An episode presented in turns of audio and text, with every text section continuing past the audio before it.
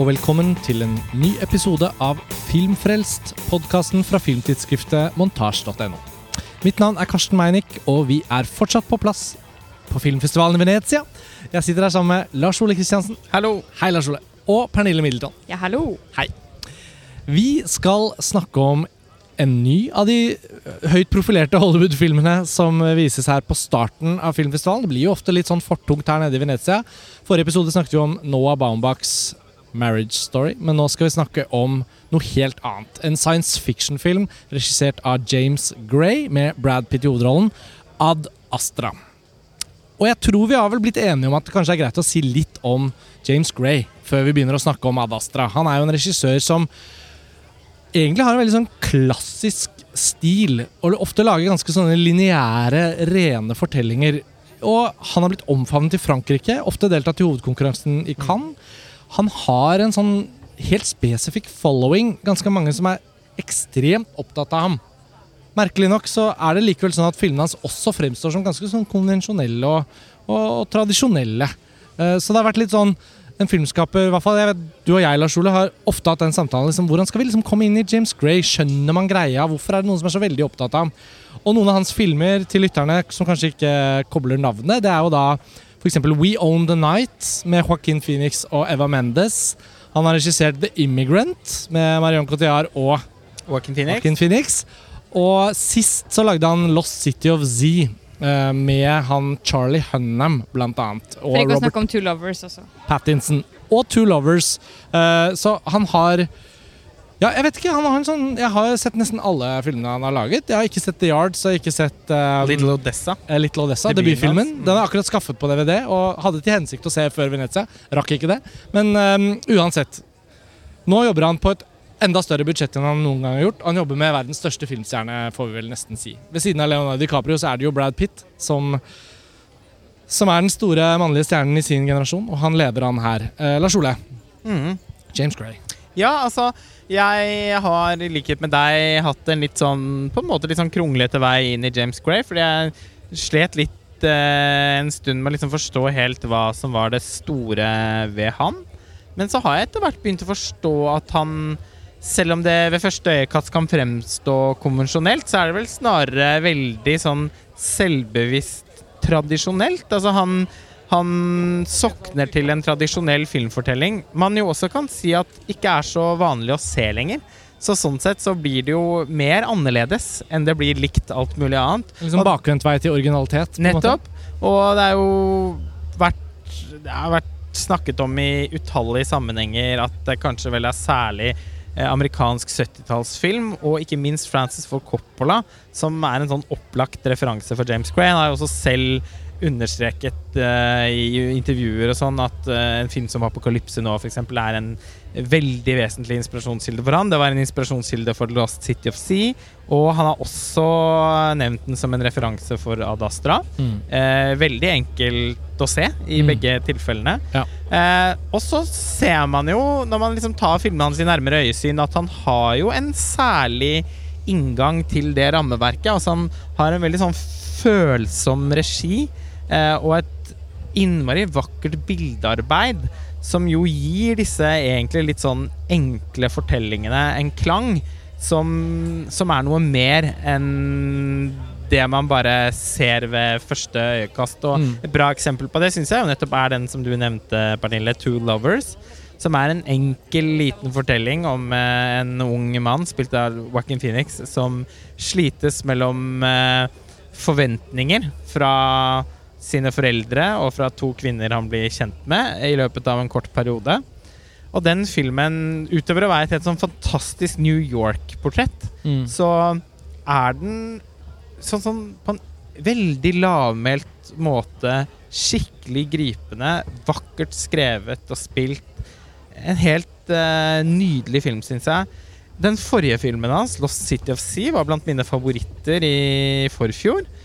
En nesten sånn Onkel Skrue-lignende gul sommerlesning, for de som husker. Donald-bladet fra 90-tallet Ja. aktiv fortelling som er så vakkert fotografert av Darius Konji, og så bra spilt av Ja. Charlie Hunnam og Robert Pattinson.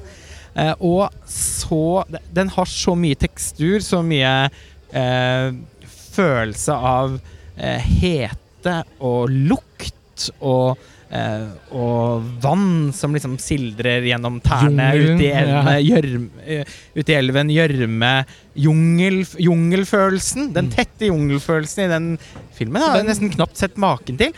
Uh, og uh, vanskelig å da ikke nettopp tenke på apokalypse nå, fordi også fortellingen på en eller annen måte ligner litt. Så det er noe med James Gray. Ja. The Immigrant uh, syns jeg ikke var noe. Der følte jeg at hans Der, der syns jeg han bikket over i å lage en slags sånn pastisj, eh, som dessverre, i hvert fall for meg Jeg vet at mange Grey-fans er veldig opptatt av den, men som ble veldig sånn styltet og eh, og, og, og, og for meg bare Altså, den filmen slet jeg veldig med å komme inn i. Der syns jeg ikke den følsomheten som jeg beskriver i f.eks. Two Lovers eller eh, Lost City of Sea, var til stede. Eh, men det var med veldig høye forventninger at jeg møtte Ad Astra. Pernille, James Gray, for deg, hvilke filmer er det som du har satt mest på? Han er litt sånn merkelig regissør for meg. Eh, jeg minnes Two Lovers som veldig fin. Veldig lenge siden jeg så den. Det var, eh, Mm. Jeg jobba vel på videoutleiebutikk da jeg så den, så det er mange år siden. Eh, ikke sett The Immigrant. Og du sa The Yards. Jeg visste ikke at det var han engang, men den, har jeg, den med Mark Wahlberg og Ja, Charlize det er, ja, Den har jeg sett. Ja. Eh, relativt forglemmelig. Ja. Um, Jeg tror jeg har hatt den på hylla i ti år. Jeg har ennå ikke fått sett den. Ja. We Own The Night er kul. Ja. Den liker jeg veldig godt. Ikke så mye mer enn det for meg. Uh, og The Lost City of Set syns jeg var en uh, veldig intens og rå eventyrfilm. Og kult å se at Charlie Hunnam klarer det. Fordi jeg har alltid mislikt han som skuespiller. Så jeg har jo på en Ja, at han klarer å spille en bra rolle, mener du? ja, ja, ja, ja. At han Ja. har det i seg, på en måte. da. det går ikke så bra i den fortellingen. Men det var, Nei, nei, men han har det i seg som skuespiller. Så det er rart å si det, men på en måte jeg har et ikke-eksisterende forhold til James Gray, til tross for at jeg har sett nesten alle filmene hans. Ja, ja, men det er jo det som er så rart med han, er at han tvinges over et sånt ekstremt autørbilde for noen, mens for andre så er han litt en sånn Kanskje ikke så lett gjenkjennelig autør, da, fordi han har så tradisjonelle trekk. Men ok, vi er ved Ad Astra. Ja, hva handler Uh, den ja. eh, om? Ja, altså, Pernille, vil du prøve? Nei. Jeg... Altså, det er jo en litt sånn Sjangermessig er det ikke så vanskelig å plassere den. Det er en ren science fiction-film. Og så kan man si at er det en Er det en kompleks uh, allegorisk science fiction-film, eller er den en litt mer sånn ren fortelling A til Å, A til B-film? Når er den satt? Fikk dere med dere det? Det sånn Nei, in the near future, Near står det. future, ja. Men jeg føler det er etter 2049, for å si det, på det, for å si det med Blade Runner-språk. Mm. Føles litt et stykke inn i fremtiden, tenker jeg. Um, nei, men eh, jeg kan godt ta en kort plottoppsummering hvis ingen av dere vil. det, er jo, det er jo faktisk en veldig enkel film å beskrive, da, syns jeg. Eh, Vi kan komme tilbake til at det kanskje også litt er en svakhet, men ok. Brad Pitt spiller en uh, offiser i det amerikanske Space Military. Altså Han er liksom en, en offiser i uh, Forsvaret som nå også har en Space Division. For uh, menneskeheten har klart å ekspandere, ikke bare til månen, men også til Mars. Og eh, i en film som selvfølgelig kom, kommer inn i bevisstheten ganske raskt, 'Interstellar', så er det også her et prosjekt med å liksom få, få, få klarhet i om det er noen andre der ute, om det er noen andre steder man kan leve, osv. osv.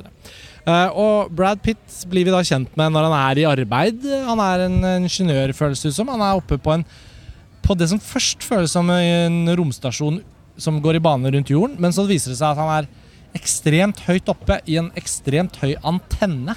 Som eh, er liksom festet til jorden, men som går så høyt opp i luften at den går ut gjennom atmosfæren og ut i Det er en veldig tøff åpningssekvens. Så da er det liksom sånn vi blir kjent med han. Og så viser det seg at eh, Brad Pitts rollefigurs far er eh, spilt av Tommy Lee Jones, var en pioner tidlig i liksom, det som må anses som denne filmens univers sin sånn uh, Vasco da Gama, Magellan-periode, hvor de skal utforskes. Uh, vi er liksom forbi Columbus, men vi har kommet til liksom de neste som skal liksom ta, den, uh, ta det videre rundt i hele verdensrommet og forsøke å finne ut om det fins noen alien intelligence, da. Og um, i forbindelse med at det oppstår noen sånne skumle elektriske signaler eller stormer som treffer jorden, som forårsaker mange ulykker, og Brad Pitt overlever en av dem, så er da det hemmelige eh, hva skal vi si, CIA-ekvivalenten til det amerikanske forsvaret i dette science fiction-fremtidsscenarioet ber Brad Pitt om å eh, legge ut på et oppdrag som skal strekke ham helt til Neptun, hvor de tror at dette eh, forskningsskipet og dette forskningsprosjektet som faren tok ansvar for en gang i tiden, kanskje er involvert i disse elektriske stormene. Og med det som utgangspunkt så blir det egentlig en sånn øh, en sånn litt sånn øh, Ikke road movie, men en sånn reisefilm. Hvor hele narrativet egentlig er formet av at Brad Pitt skal reise fra A til B. Hva syns dere? Var det tilstrekkelig god plottoppsummering? veldig bra. Uten spoilere. spoilere. Um, men science fiction-sjangeren kommer jo med visse forventninger, og jeg føler at det er liksom to leire, hvis dere er med meg på det. Altså, visse science fiction-klassikere som man alltid håper å få se, klarer å kombinere en form for sånn psykologisk abstraksjon, en, en psykologisk indre reise, kombinert med liksom space exploration. 2001, uh, Interstellar, Solaris, uh, begge Solarisene. Eh, Sunshine, til dels egentlig også, av, av Danny Boyle. Og så har du den andre som, som er litt mer sånne praktiske eh, Nesten over i sånn survival-filmsjangeren. The Martian. The Eh, Martian, ikke sant? Ridley Scotts The Martian med Gravity. Matt Damon som Robinson Crusoe på Mars. Og så Gravity av Alfonso Cuarón. Med liksom Sandra Bullock som basically bare skal overleve. Mm. Og hva vil dere si om Ad Astra? Altså den, den, den traileren og sånn, som kanskje lytterne har sett allerede, inviterer oss jo til nærmest forstå den som en slags sånn Terence Malick in space-aktig film. Hva, hva, hva er det den egentlig viser seg å være, Pernille? Jeg føler jo litt at den faller litt mellom de to stolene. For den, det virker som at den prøver litt på begge to, på et vis. Uh, det er veldig mye solo Brad Pitt. Uh, med hans på en måte uh, utfordringer, og han havner jo på en måte i survival mode mange ganger. Så det er jo litt sånn en Brad Pitt-voyage. eh, selv om det handler om noe mye større eh, rundt dette igjen. Og jeg føler det faller litt bort, fordi det er jo mange eh, eleme- eller scener i filmen som dras ut i at dette handler bare om at Brad Pitt skal fra A til B.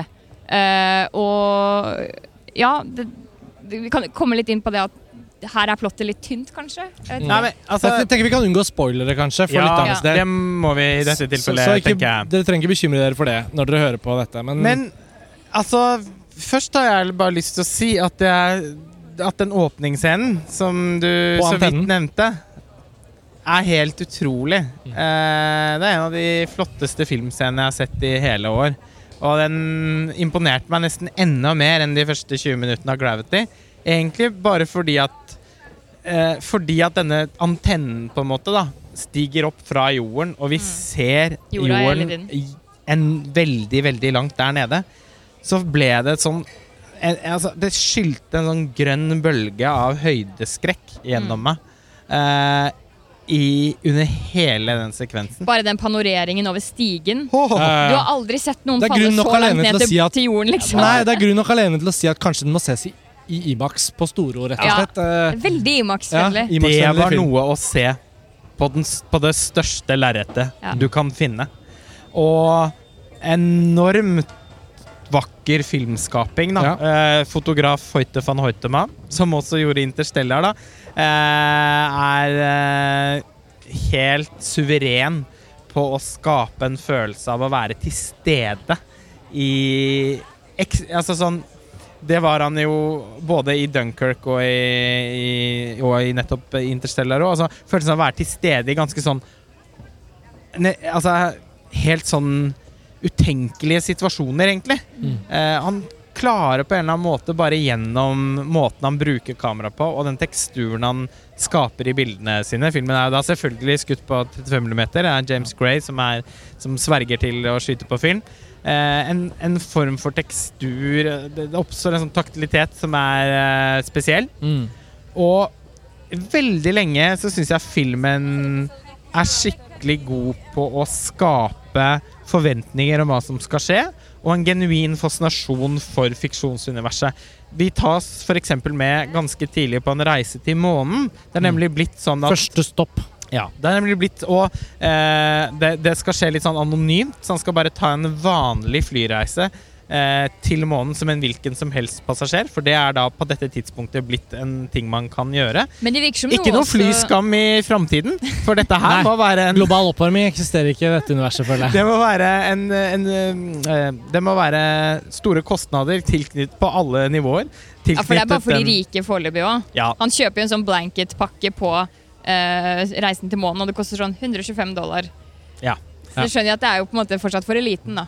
Det var et sånn lite stikk i filmen da, som jeg Ja. synes var morsomt. Ja. Morsomt. Eh, men han Men når vi da kommer til månen, som da først er et sånn kjempestort kjøpesenter, basically, som er eh, Med Subway og det hele. Ja, altså det var veldig morsomt. Ja. Det var en ekte sånn science fiction-visjon. Og så er det sånn at alle som kommer til månen, kan eh, kan få tildelt eh, kjøretøy, og, eller sikkert leie, da, Mm. for å bevege seg på gitte områder som er trygge. Men det fins også en slags ville vesten der, hvor eh, pirater har begynt å dominere i en, sånn, i en slik grad at man er nødt til å vokte seg for å Ja, og det blir vel sagt over høyttaleranlegget på et tidspunkt også at de har ankommet the North American part of the moon. Så det er liksom åpenbart at det er sånn territorial inndeling av steder Ja. på månen å være. Også denne frykten for eh, pirater. da. Så månesekvensen Og der, apropos Hoyt van Hoytema, jeg føler han har også lyktes veldig godt med å skape en visuell tone for hver av disse pitstoppene bokstavelig talt Brad Pitt-stoppene underveis i filmen. Um, hvor, hvor månen får en veldig, veldig kul utforming og dramatisering. Månesekvensen er jo litt sånn at jeg tror vi kommer til å bruke det som en referanse. Og vi snakket fort om, Etter filmen husker jeg vi begynte å tulle med at egentlig kunne jo Ad Astra også fort bare Du kan liksom franchise det og lage um, pre, eller liksom, Ikke prequels, men sånn um, Hva heter det når det er Spin-offs.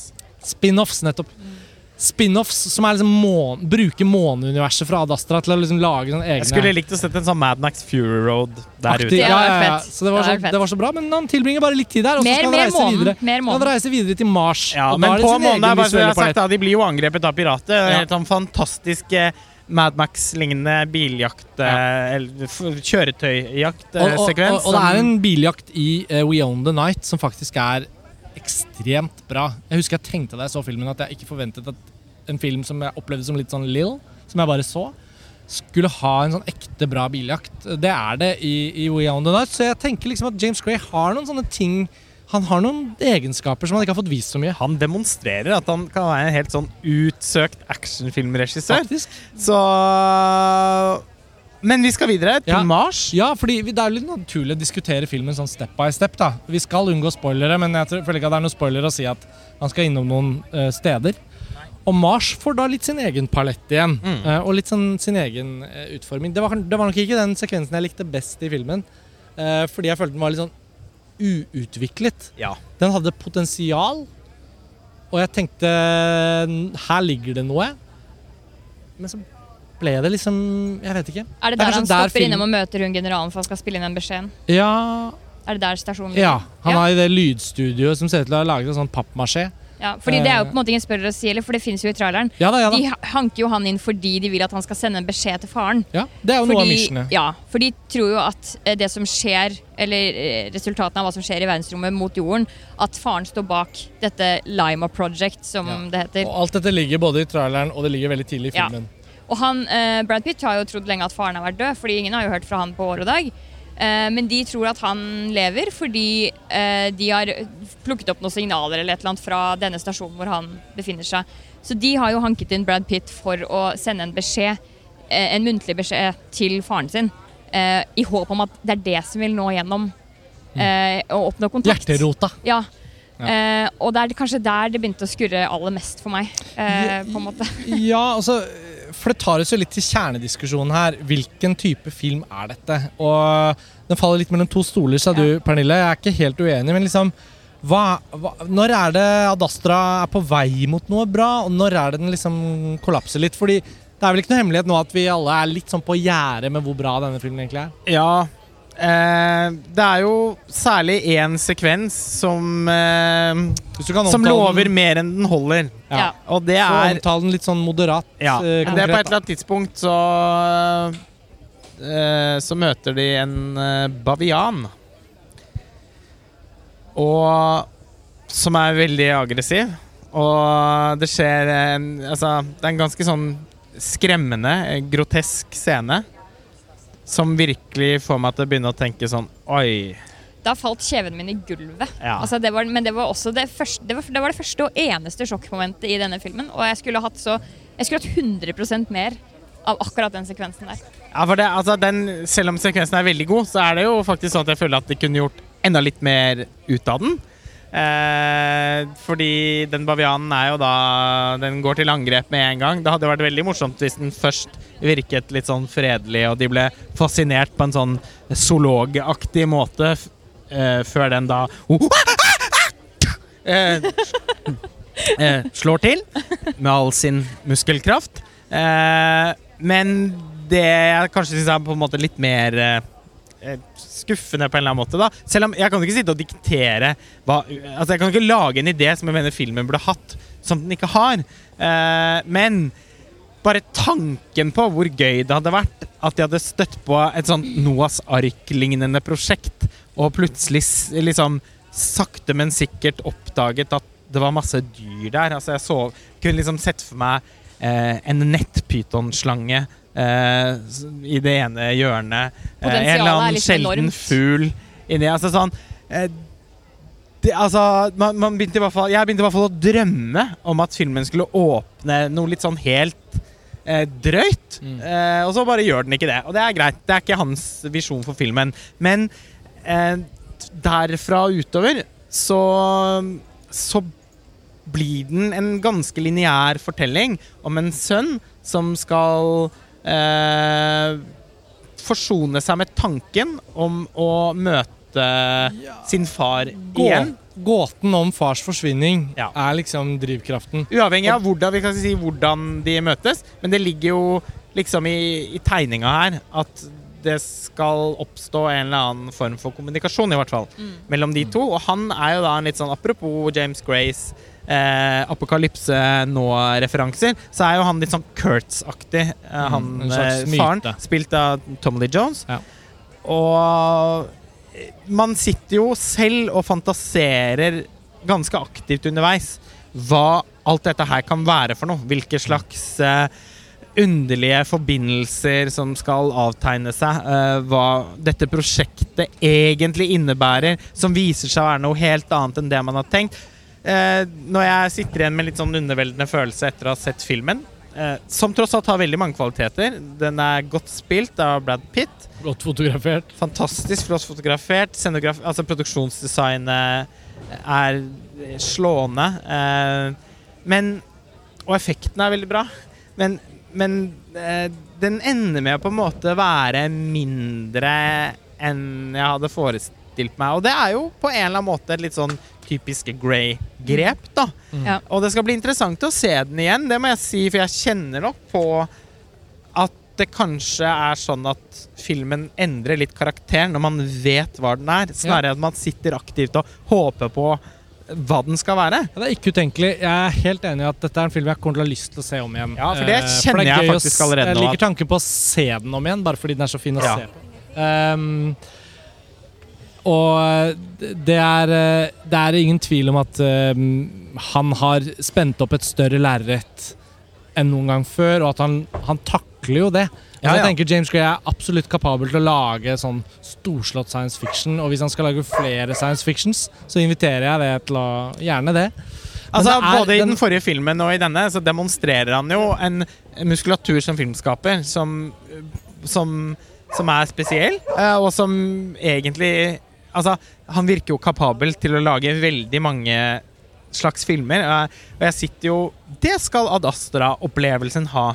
At jeg sitter fortsatt og er nysgjerrig på hvilken filmskaper James Gray skal vise seg å bli til slutt. Altså sånn hva, Hvor langt kan han egentlig gå, da? Mm. Fordi Han har ikke modnet helt ennå, på en måte, virker det som. Jo, men på en måte har han jo det òg, fordi han, han var jo så tidlig moden.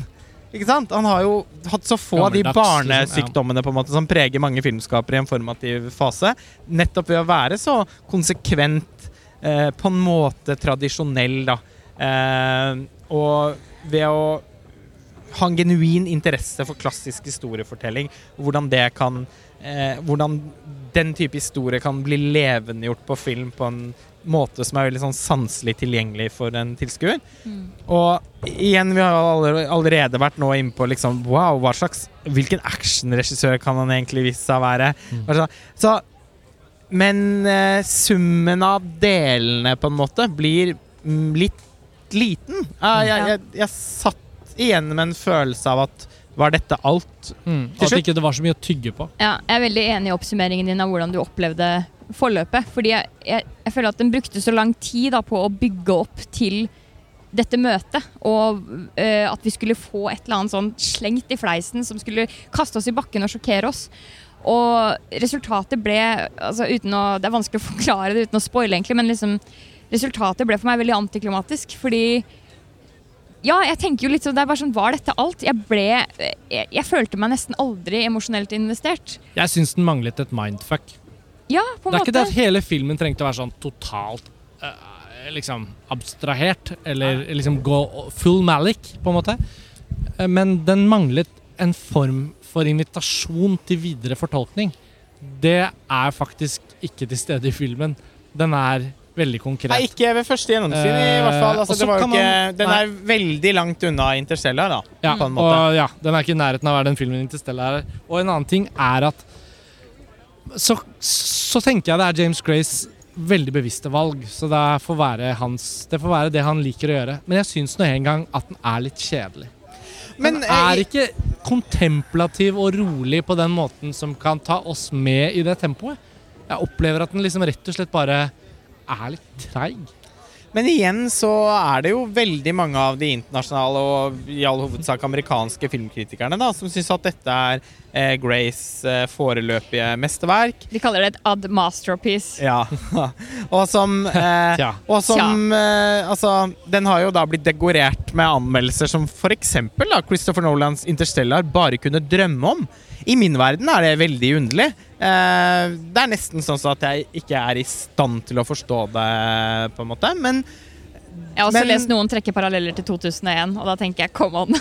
ja, for det blir litt sånn Og det var jo Ikke sett den der oppe, liksom. Nei, Nei. for det, altså den undringen som har holdt eh, 2001 i live over så mange år, og som gjør at den er still a total mystery, den tror jeg ikke kommer den, den har Altså, jeg ser ikke at Ad Astra Altså, det- den- rommer det for Nei, Ad- generasjoner Ad med sine file. Har flere paralleller med Clint Eastwoods Space Cowboys enn den har med Stanley Kubricks 2001. Jeg bare lar det henge, men det er sant. Eh, vi, det bør kanskje også nevnes at uh, hele relasjonen mellom Brad Pitt og hans kone, spilt av Liv Tyler, som vel knapt har en replikk i hele filmen, er veldig underutviklet. Eh, vi klagde på at Claire Foy var liksom bortkastet i The First Man i Venezia i fjor. Vel, det var jo eh, en hovedrolle sammenlignet med, Ja. Med Liv Tyler Altså, i denne. treng, han, hun hadde jo ikke trengt å være med engang. Han, han kunne jo like gjerne bare vært en ugift mann. Ja, Det ville det vært hadde mer- vært sterkere vært for bedre for rollefiguren. fortellingen. Det Uh, Det har vært mer fokus på det far-sønn-greiene enn at han også hadde en relasjon hjemme. ja, jeg er helt også- enig. det er Det burde vært sakset ut av filmen. Det er også en voiceover her som jeg syns er helt unødvendig. Fordi Ja. den, for, den oppklarer ingenting vi ikke allerede forstår i historiefortellingen. Men den inviterer oss heller ikke noe på innsiden av, av hovedpersonen sin psykologi. Mm. Så den syns jeg egentlig var helt uh, unødvendig. Jeg er veldig enig. Altså, Ja. sånn, eh, jeg- all honnør til Brad Pitt. Jeg syns han er utrolig bra. Og han, ja, han har et, han har et fjes som passer veldig godt i filmen, og man kan egentlig bare se på det, på en måte, det, og det er Ja. fint. Ja. Men jeg er enig i at det er en utrolig underutvikla karakter. Altså, jeg, jeg, han, Roy er det han heter. Og jeg, jeg kjenner at det, han er ikke en sterk nok protagonist da, til å bære filmen alene så mye som han faktisk gjør. Jeg, det, det er jo en film som da er forhåndsspådd, men også en sånn potensielt sånn stor eh, Oscar-sesongfilm. Jeg er litt eh, jeg, jeg føler meg litt usikker på det. Altså. Jeg tror rett og slett den den er litt sånn Jeg tror den er litt for slepende og langsom for det segmentet. Ja, det tror jeg også. Eh, Og jeg tror jeg vet hvilken film Brad Pitt skal Oscar-nomineres for i år. Once upon a time. Det Kan det være? Ja. Han har en bra sommer, da, det skal sies. Det må sies. Han Han, er spiller jo så kjempebra her, jævlig mange men bra altså, han gjør kanskje sitt gøy. livs rolle i Tarantinos Once Upon a Ja, Time in Hollywood. Og det er ikke en rolle han bare kommer til å bli nominert for, tror jeg. Den tror jeg han kommer til å vinne en Være favoritt. Nå, nå, nå tetner det seg veldig til her ute på Lido. Uh, det glemte jeg å si innledningsvis, men vi er jo fortsatt på location. Uh, det skal vises filmer, det skal diskuteres mer. Tenker vi kan oppsummere denne praten om, om Ad Astra.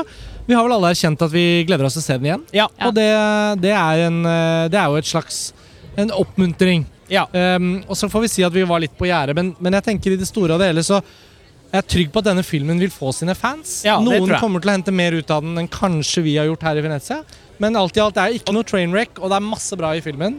Så Og som sagt, det er jo allerede mange kritikere som uh, har trykket vi er liksom de strenge nordmennene. Vi er Ja, liksom, det blir liksom sånn hvert eneste år. Okay. Men vi pleier jo å finne våre egne favoritter, da. Og i Ja. dag har vi sett en helt fantastisk film som er den beste til nå i Venezia, men det skal vi ikke si noe mer om. En liten hemmelighet. Vi sparer det til en av de kommende episodene. Vi får avslutte. James Grays Ad Astra kommer på norske kinoer i høst, så det er ikke så lenge til eh, folk kan få sett den. Pernille Lars Ole, takk for denne gang. Vi Takk for nå. Tilbake med ferske Venezia-episoder. Takk for at dere hører på, og ha det bra.